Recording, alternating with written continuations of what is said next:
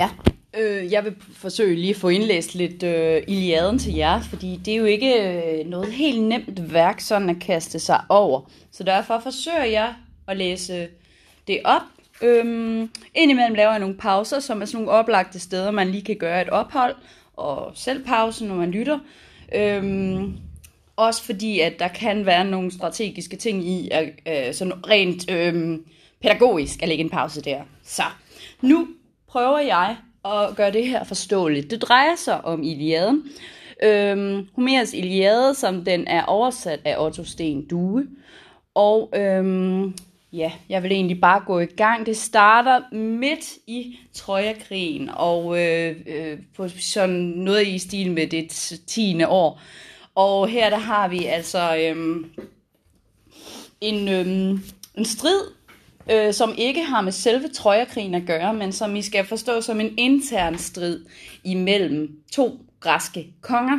Og de er altså her ved Troja, fordi øh, øh, Helene, eller Helena, øh, hun er blevet øh, hapset af trojanerprins Paris, øh, sådan som vi også lærte om det i æblestriden, og, øh, eller Paris Dom, som den også hedder.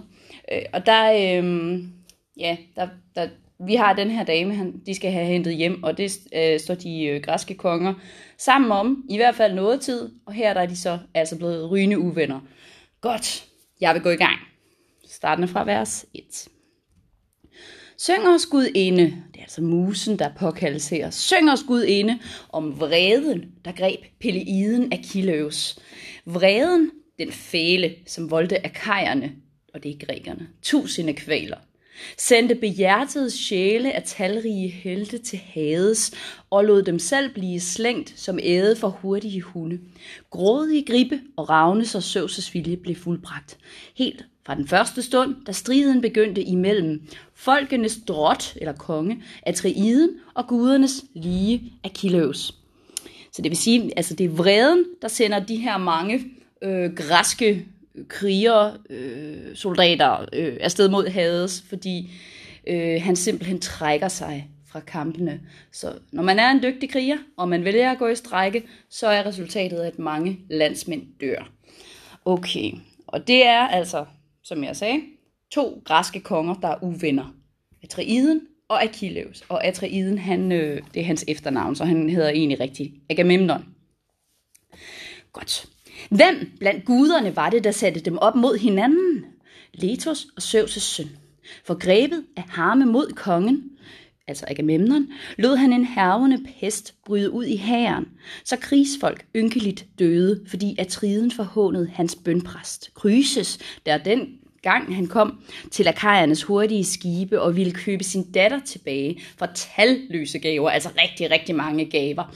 Så vi har med øh, persongalleri at gøre, som er guden Apollon, pisse sur. Og han er sur, fordi hans præst Kryses, øh, hans, øh, hans datter, han, han vil han, undskyld, datteren vil han gerne have tilbage. Grækerne har hans datter. Og derfor så kommer han altså hen nu. Og vi ser det her som en scene, udspillet nærmest som et drama. Nu sætter vi selve scenen her i vers 14. I sine hænder bar han, altså Kryses, bønpræsten her, sit gyldne scepter med ubånd, videt til skytten Apollon, altså et religiøst, et religiøst symbol her. Han bønfaldt alle akajer, mest, og det er igen et ord for grækere, mest dog alle de to atreider, folkenes fyrster. Atreider, søn af Atreus, der har vi to, det er Menelaos, som mistede Helene, og det er øh, Agamemnon, som er den største, rigeste af de græske konger. Chefen, kunne man godt kalde ham. Og nu kommer bønden fra øh, Kryses. Atreus sønner, og alle i benskinne klædte af kajer, det blot gudernes slægt i Olympens boliger onde jer at erobre Priamos' by og få lykke til hjemfærd. Priamos' by det er et andet ord for trøje. Det er en anden måde at sige trøje på. Så et eller andet sted, han siger jo, at der hvor han selv kommer fra, det vil han gerne ofre, hvis bare han må få sin datter tilbage. Og så vil han endda ønske grækerne, at de kan få en god hjemtur, hjemrejse. Øhm, så mig skal I frigive min datter, tag mod mine gaver og frygte sønnen af Søvs. Apollon, der rammer sit mål fra det fjerne. Så det vil sige, at han kommer også med en trussel her. Han kommer med en trussel om, at Apollon han er pestgud. Pas nu lige på, hvad I gør her. Jeg er Apollon-præst. Da de, der gav de andre akajer, altså grækere, til kende, man nok skulle vise agt for den hellige præst, altså respekt, og tage mod hans strålende gaver. Men kong Agamemnon var lidet fornøjet og sendte den gamle bort med knuppede ord, altså øh, en skideballe, og gav ham en ordentlig røffel.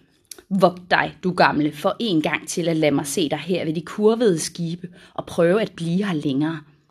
Der skal du ikke få gavn af din stav med guddommens uldbånd. Hende frigiver jeg ikke, før det skal hun ældes i borgen, hjemme i Argos, der hvor han kommer fra, hos mig, langt væk fra sit fædrende bosted, mens hun går til og fra med sin væv, eller deler mit leje. Så han siger et eller andet sted, hende skal jeg bruge, hun skal væve for mig, og så skal vi gå i seng sammen. Altså din elskede datter. Så det er jo ikke så pænt gjort. Tier mig så ikke, men gå, så længe du endnu kan slippe. Og han beder endda ham her, præsten, om at skynde sig væk, inden han gør noget ondt ved ham. Det var hans ord, og gubben, altså den gamle mand, blev bange og lystrede hans ordre. Tavs gik han bort langs stranden ved havets brusende brænding, så man kan høre bølgerne, der sådan bruser i baggrunden. Og da den her præst bliver ene, bad han til fjernskyttefyrsten Apollon, herskeren Zeus' søn med den yndigt krøllede Leto. Så det vil sige, Zeus har fået Apollon med en dame, som ikke er hans kone, men en anden gudinde, der hedder Leto. Okay, hør mig, du sølvbuevæbnede Gud, som værner om kryse, og om det hellige kilde. Du os stærke behersker.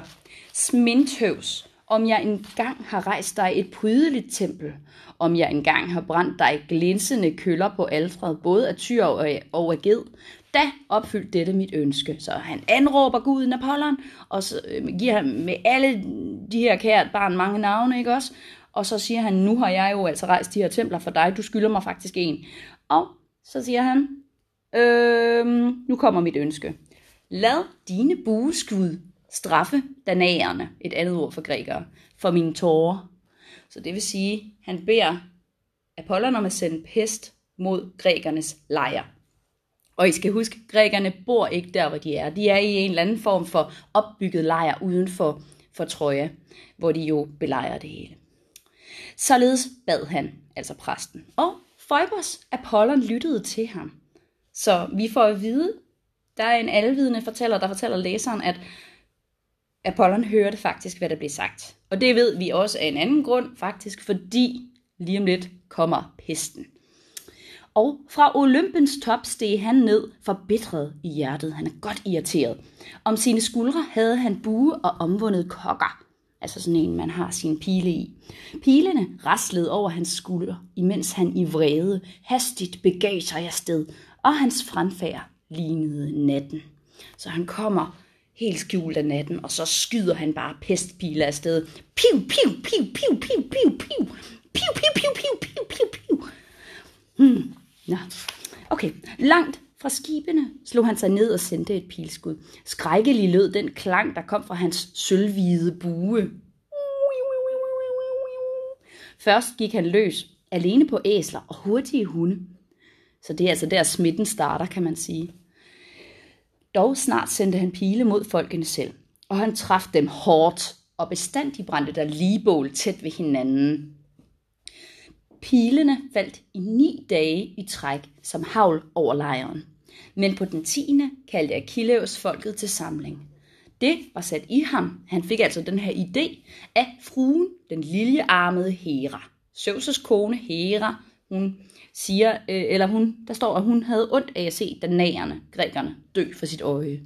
Hun holder med grækerne, og der kan man jo faktisk lige trylle sig selv en tur tilbage til, til den her æblestrid, som bliver ved med at være vigtig, fordi hvem kunne lide Afrodite, eller rettere, hvem kunne Afrodite lide? Hun kunne lide prins Paris, som var trojaner, fordi han lod hende vinde skønhedskonkurrencen.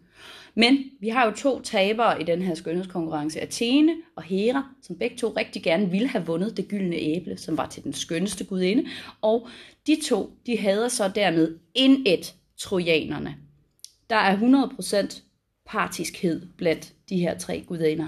Hvor øh, Apollon han holder jo så ganske vist også meget øh, af øh, trojanerne og øh, i hvert fald ikke grækerne her. Men det, det er så en helt anden grund. Det er en meget konkret sag, han har behandlet. Nej. Så altså, Achilles, øhm, her der starter en, en langt, langt stykke, og der vil jeg formentlig bede jer om at stoppe her, før I læser videre. Men hvis nu man skulle give det en overskrift, det næste jeg læser højt for jer, så er det nok øh, skænderiet. Fordi det er altså her, vi hører om den her strid, den her ufred, der er ubrudt imellem to græske konger, Agamemnon og Achilles. Agamemnon, som også bliver kaldt for Atreiden, og Achilles, som også nogle gange bliver kaldt for Peleiden. Det er fordi, de er sønner henholdsvis Atreus og Peleus. Godt. Og da så folket var mødt, og alle var blevet forsamlet, trådte Achilles frem og talte sådan iblandt dem. Atreus søn, nu tror jeg, at vi snart må rejse beskæmmet hjemme igen, om ellers det lykkes at flygte fra døden, nu hvor akajerne, grækerne, knuses af både krigen og pesten. Kom, lad os derfor spørge en offerkyndig, en spormand eller en tyder af drømme, for drømme bliver sendt af kronieren. Og kronieren, det er søn af Kronos, det er Søvs. Det er Søvs, der sender drømmene.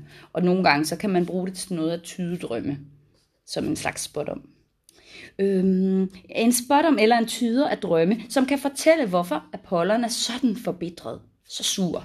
Om han har noget imod vores lovninger og hekatomber, alle de offringer, de laver til Apollon, hvorfor tager han ikke imod dem? Så at han ved at få røgen fra får og lydefri geder kunne formås, kunne overtales til at afvende al denne masse død fra os. Han vil, de vil have pesten til at gå væk, sygdommen til at gå væk, og de har offret i vildskab, men Apollon tager ikke imod, og nu skal de have fat på en, en offerkyndig og altså en sporpræst. Det var hans ord. Det er altså Achilles replik, der er slut nu, og han satte sig af der. Og Testoriden, det er hans efternavn, kan man sige, ikke også? Kalkas, den bedste fortolker af fugle, rejste sig blandt dem. Han havde kyndigt rede på nutid, fortid og fremtid, og havde styret akajernes kurs til Ilion, vil sige Trojas strande. Ved sin profetiske kunst, som han havde fra Phoebos Apollon. Så det vil sige, ved hjælp af sin profetiske kunst, at det lykkedes at nå frem. Altså han kan også navigere og sådan nogle ting. Velsindet tog han til ord og talte således i blandt dem. Zeus' yndling Achilles, du beder mig om at forklare vreden, som, som, som fjernskytten Phoebos Apollon har fattet imod os. Phoebos i øvrigt tilnavnet til Apollon, øh, et epitet, det, kan, det betyder noget stil med den strålende.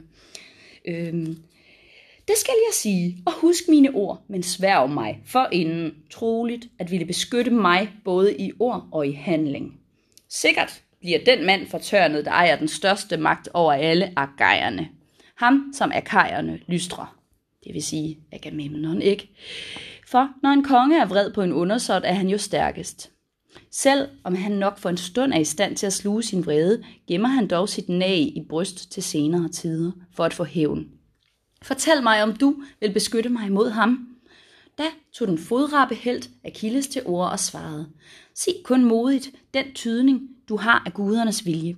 For ved kronierens yndling Apollon, den gud, som du bærer til, Kalkas, når du forklarer danagerne, altså grækerne, gudernes varsler.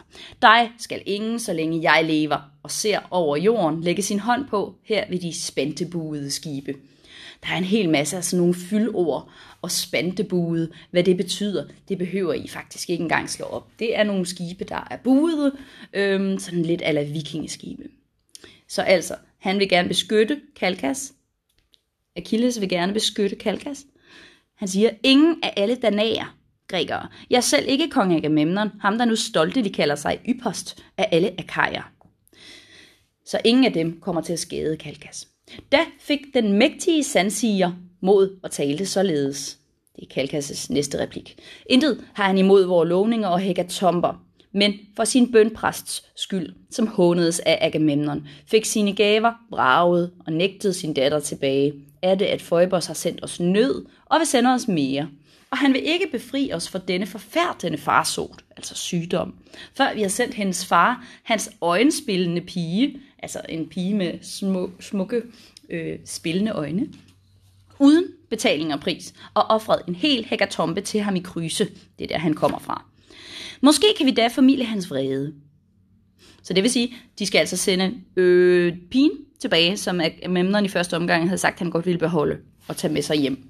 Øh, og så i stedet for at modtage gaver, så skal grækerne give gaver. Nå, nå, så nu, nu sagen en anden. Men nu har de selvfølgelig også fået pest, så er de måske mere øh, hjælpsomme. Det var hans ord, og han satte sig af der. Der rejste sig blandt dem Atreus søn, den tabre og mægtige drot Agamemnon. Såret og bitter. Hans hjerte blev sort og fyldte sig hæftig stridsløst, og som en gnistrende ild var begge hans øjne.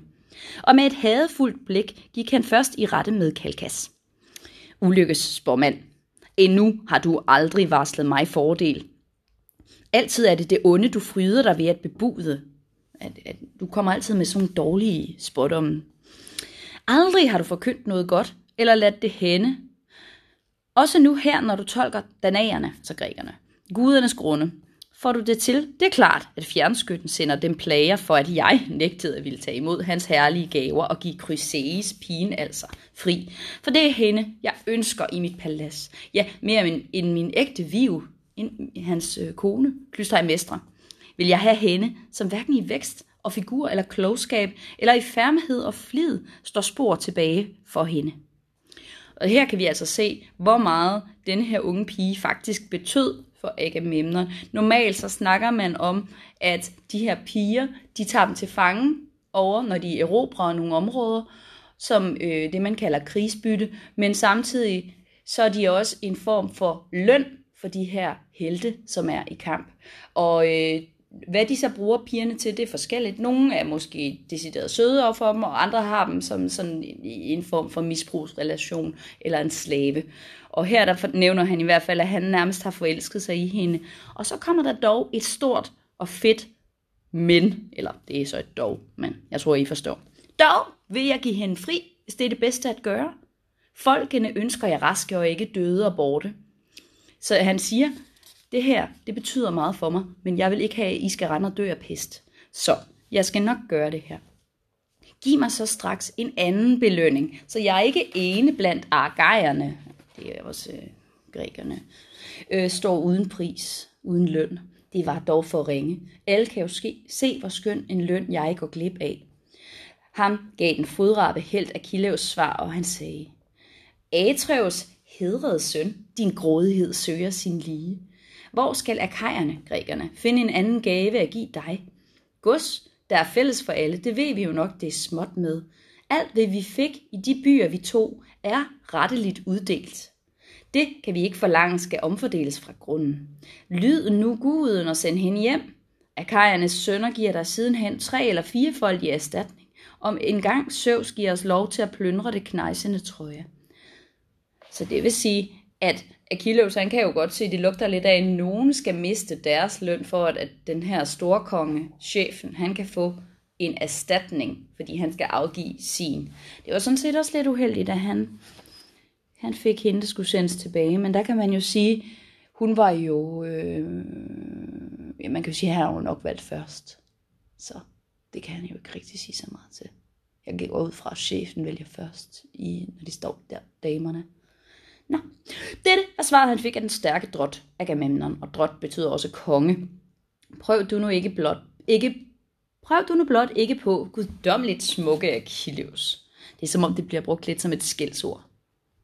Øhm, ja, som om han synes, at du, du er sådan lidt for, for nuttet, nuttet pæn. Øhm, guddommeligt smukke Achilles. Men det antyder selvfølgelig også, at Achilles han har en, gud, en, en øh, gud som mor. Han er han er søn af Thetis, som er en slags havfrue gudinde. Ja. Så prøv du nu ikke på at spise mig af med et løfte, selvom du også er brav. Vil du da selv beholde din løn og lade mig sidde uden og stille krav til mig om bare at afgive pigen? Ja, hvis Akajas stormodige mænd vil give mig en gave, storsindet afmål, så den i kostlighed er den samme. Men hvis ikke de vil det, der kommer jeg selv for at hente enten hvad du eller Ajas har fået, eller Odysseus. Så bliver det den, jeg vælgers tur til at føle sig harmfuld. Altså, jeg tager en eller anden andens løn lige om lidt, øhm, og så kan I lære det. Dog, den sag bliver der lejlighed til at tale om siden. Altså senere, det må vi snakke om senere. Nu vil vi sætte et sort tjæret skib i det glitrende saltvand. Få det bemandet med folk og fyldt med en hel hekatombe, og det er altså en kæmpe stor offring. Og få Chryseis ombord, den fersken kendede pige. En skal være dets fører, en mand, der er prøvet og rådsnar. Telamon, Telamons søn, eller helten i Domines, eller Odysseus, eller du selv, Peleide, og det er altså Achilleus, din eller uhyrligste kriger. Og det er, øh, selvom det ikke lyder så positivt, så tror jeg, I skal regne med, det er meget velment, fordi at øh, Achilleus, han er rent faktisk øh, den stærkeste øh, soldat eller kriger, de har i her. Du kan så bringe vort offer og afvende fjernskyttens vrede.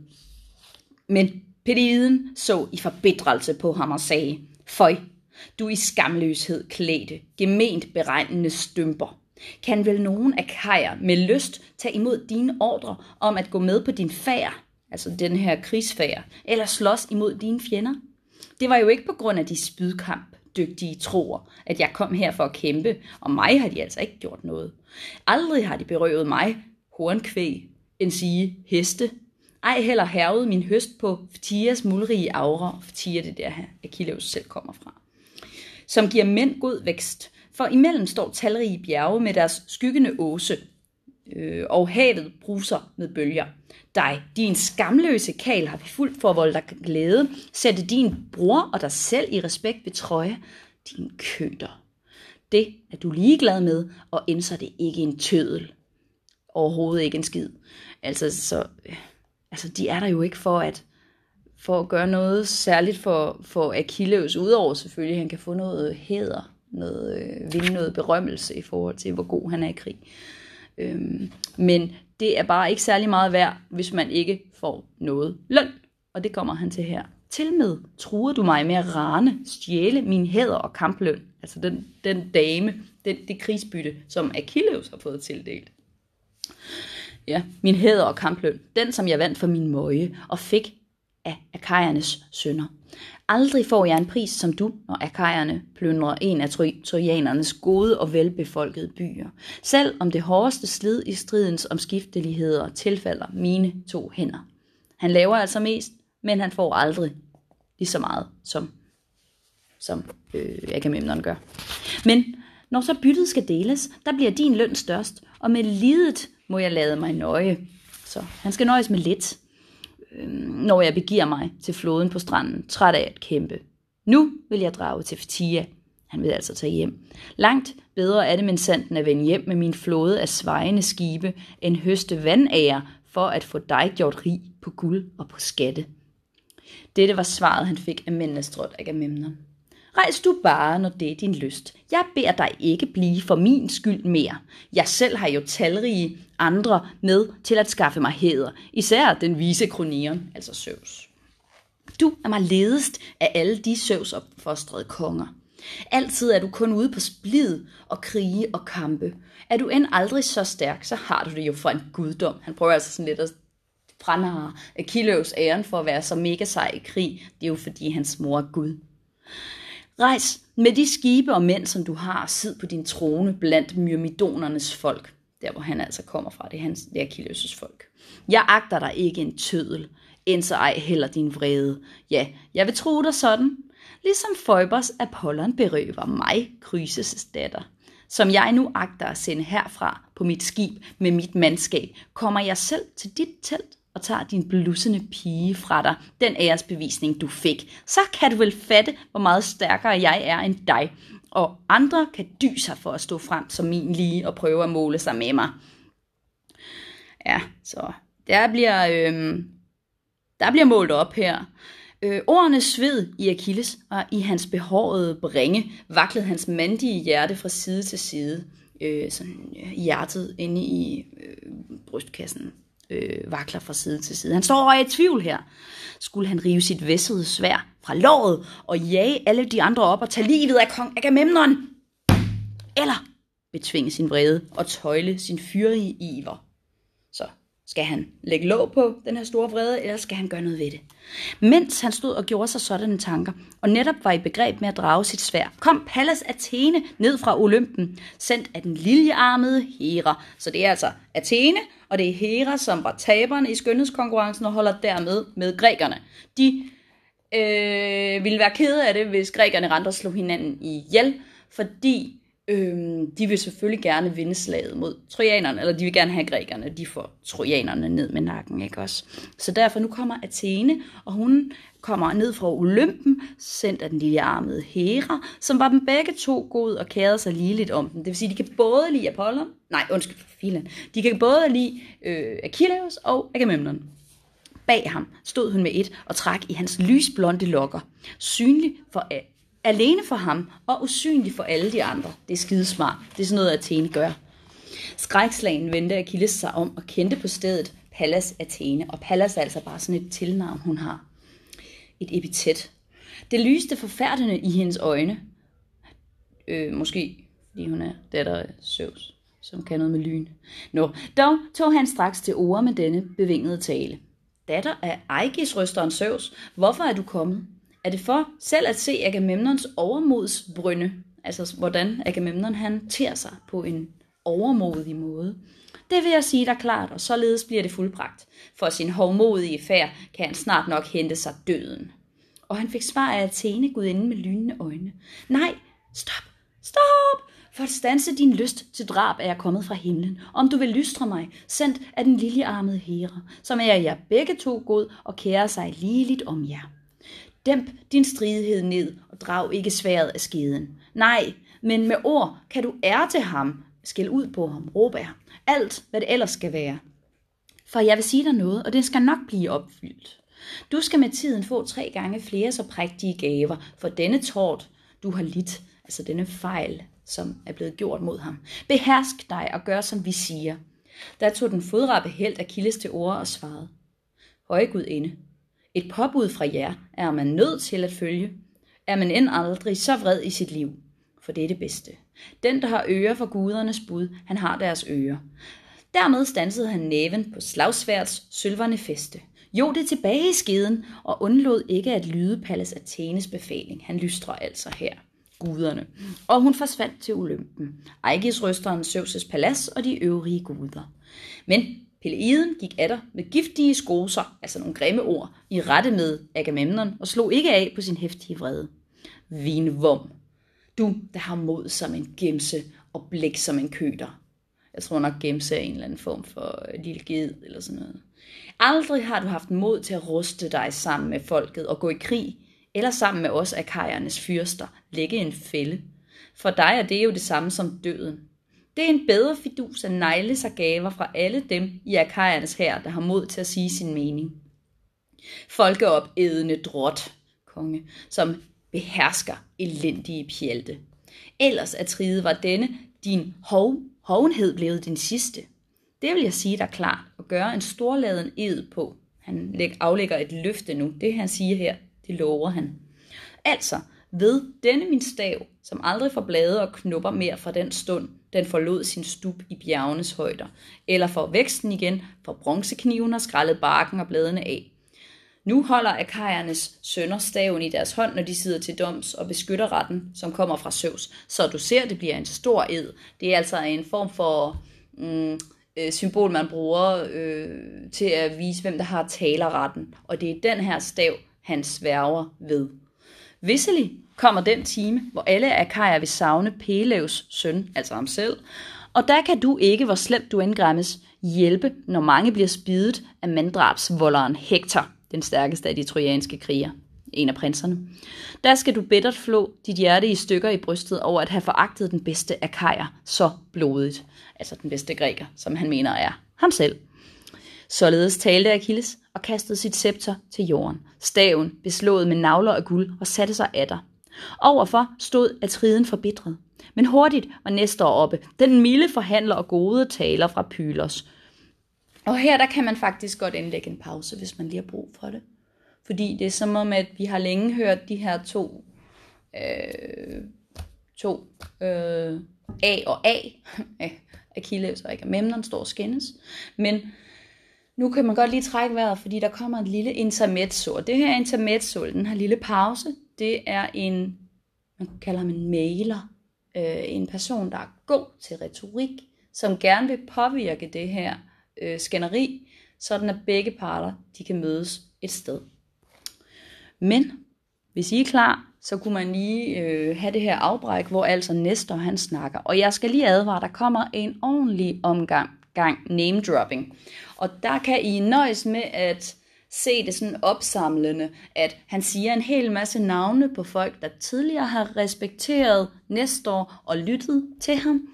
Og øh, øh, ja, derfor mener han også, at øh, Kileus og Agamemnon, de begge to bør lytte til ham. Og det er jo så, det er jo lidt en, øh, ja, altså, jeg tror, der var et forsikringsselskab, der på et tidspunkt brugte øh, Karoline Wozniacki som reklamesøjle for, at øh, de, øh, det var et godt rejseforsikringsselskab, øh, fordi se hende her, hun rejser konstant ud til alle de her tenniskampe. Øh, så ja, det er sådan en slags, de her, de her super seje folk lyttede til mig næste år, derfor skal I to,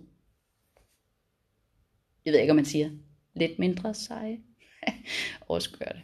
Ne- never mind. I hvert fald så er han oppe og snakke næste om. Han bliver kaldt den milde forhandler, gode taler fra Pylos. Og fra hans læber flød det med ord så søde som honning. Det er måden, man beskriver retorisk skills, øh, retoriske skills på et tidspunkt, hvor ordet retorik ikke findes endnu. Altså talekunst. Han, altså Nestor, havde levet og set to menneskeslægter forsvinde. Mænd, som var fostret og født med ham i det hellige Pylos. Tredje generation var det nu, han herskede over. Han er pisgammel, ikke?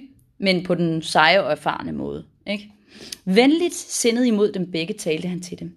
Jamen dog, stor er den sorg, der nu vil ramme Akaja, altså Grækenland. Det bliver en fryd for Priamos selv og Priamos' sønner. Ja, der bliver jubel i alle de andre troers hjerter, trojaners hjerter, hvis de får nys om, at I er så stygt i strid med hinanden. I, som er ypperst i råd og i kamp af alle, der nærer. Han vil helst ikke øh, have den ene til at fremstå øh, bedre end den anden, så han siger noget pænt til dem begge to. På den måde får deres opmærksomhed, ikke også? Det vil være skidt, hvis trojanerne de hører om, at I skændes på den her måde. Nå, lyt I til mig. I to er jo begge langt yngre, end jeg er, og jeg har truffet en del andre kale i min tid end jeg selv, og af dem var der ingen, der kimsede af mig. Det vil sige, alle lytter til Nestor. Han er pisse sej. Aldrig har jeg set magen til mænd, og jeg når det nok ikke. Folk som Pairitos, Dryas og Kainøvs, folkenes hyrde, eller Exadios, eller den herlige held Polyphemus, eller som Aigeus søn, den guddomslignende Theseus, en af de rigtig store græske øh, helte. Ordentlig kanon. De var de stærkeste mænd blandt jordiske menneskevæsener, og som de stærkeste gik de i krig med de stærkeste bæster. Bjergenes vilde kentaurer, som faldt i græsselig mængde, dem fik de altså ned med nakken, kentaurerne.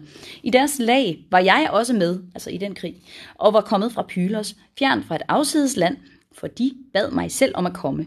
Jeg gjorde mit i den kamp. Men med dem ville visselig ingen våge en strid af de folk, der nu til dags lever på jorden. Det vil sige, de var faktisk sejre dengang. Der kan man jo lige kigge tilbage til, til noget guldaldermyte med, at de nulevende mennesker, de er måske sådan noget bronzeslægt eller noget af den stil. Men tidligere var der endnu stærkere folk. Dog gav de agt på mit ord og fulgte de råd, som jeg gav dem. Gør I det samme, I to. Det båder jer vistligt bedre. Det vil gavne jer bedre. Du skal ikke, så stærk du end er, berøve ham pigen. Lad ham beholde den løn, han fik af akajernes sønner. Du, Peleide, skal ikke opsætte sit skændes med kongen. Man har jo aldrig set, at en scepterbærende konge, som har sin hæder fra Søvs, får mindre af byttet end andre. Er du end aldrig så stærk og har en gudinde til moder? Er han din overmand, siden han byder som drot over flere? Så de, øh, de har jo et eller andet sted hver sine forser, men hvis nu de kunne mødes et sted, som en form for kompromis. Du, Atreide, behersk din harme, din vrede, ikke også? Jeg beder dig personligt, yb ikke længere kiv med Achilles. Han er jo for alle os fra Akaja et værn og en mur i de slemme bataljer. Så det vil sige, du, må, du skal også stoppe øh, Agamemnon med at øh, skændes med Achilles, fordi vi har brug for ham i krigene. Dette var svaret, han fik af den stærke drot Agamemnon. Gamle mand, Hvad du siger mig der, kan du gerne have ret i, men denne mand gør krav på at hæve sig over os alle, herske over os alle, bestemme som drot for os alle, altså kongen, hunse med alle, men ikke enhver vil lade sig det byde, ikke, ikke alle vil finde sig i det. Selv om de evige guder har gjort ham så god med en lanse, så skal han derfor have lov til at fremsætte sådanne skældsord. Prompte fik han et svar af den lysende kæmpe Achilleus. Man måtte kalde mig både kujon og jammerlig usling, der som jeg bøjede mig for dig i alt, hvad du giver mig besked på. Sligt kan du byde andre, men mig skal du ikke forsøge at kommandere med. Jeg tænker, jeg lystrer dig ikke. Men der er en ting, jeg vil bede dig nøje bemærke. Løfte min hånd for at slås for et pigebarns skyld vil jeg ikke, hverken med dig eller andre, der sådan tager gaver tilbage. Så det vil sige, at han hentyder til, at de er jo alle sammen taget i krig for at øh, hente Helene tilbage til broren Agamemnon, Ag- Agamemnons bror. Undskyld, Menelaus hedder han. Øhm, og derfor så siger han, at der er noget uselt i at tage i krig for en dame. Så han siger her, at nu kommer du og tager min, min øh, løn, som er en dame, og det vil jeg ikke, øh, jeg vil ikke slå nogen ihjel for det. Men så siger han noget andet her. Hvad der i øvrigt er mit, ved min vel, kalfatrende sejler, altså der, hvor han har sit skib. Deraf tager du slet intet og fjerner det uden mit minde. Værsgo, prøv du det blot, så alle kan se det i alvor. Da skal dit blod med det samme stå sort i et sprøjt om min lanse. Så han har ligesom øh, etableret sådan en orden, at det at stjæle andres ting, eller guld, eller skatte, eller sådan et eller andet, det, det er mere slemt, end at få taget en dame fra sig. Altså, Achilles. Nå. I hvert fald så, øh, du rører ikke mine ting, siger han, øh, men så må du jo tage hende dame, hvis det skal være på den måde. Efter så hissig en strid på knuppede ord med hinanden, rejste, rejste de sig, og med det var mødet ved skibene opløst. Peleus gik bort til sin Peleus søn gik bort til sin lejr ved de langlige skibe, fuldt af Menoitios søn og sit mandskab, det er hans øh, væbner Patroklos, vi ikke lige får nævnt ved navn her. Mens Agamemnon nu lod et hurtigt skib trække ud i havet fra stranden, valgte en snes, altså 20 mand, til at ro og lod hekatomben til guden, den her store offring, laste. Han bragte personligt den væne, den smukke Chryseis, til sæde.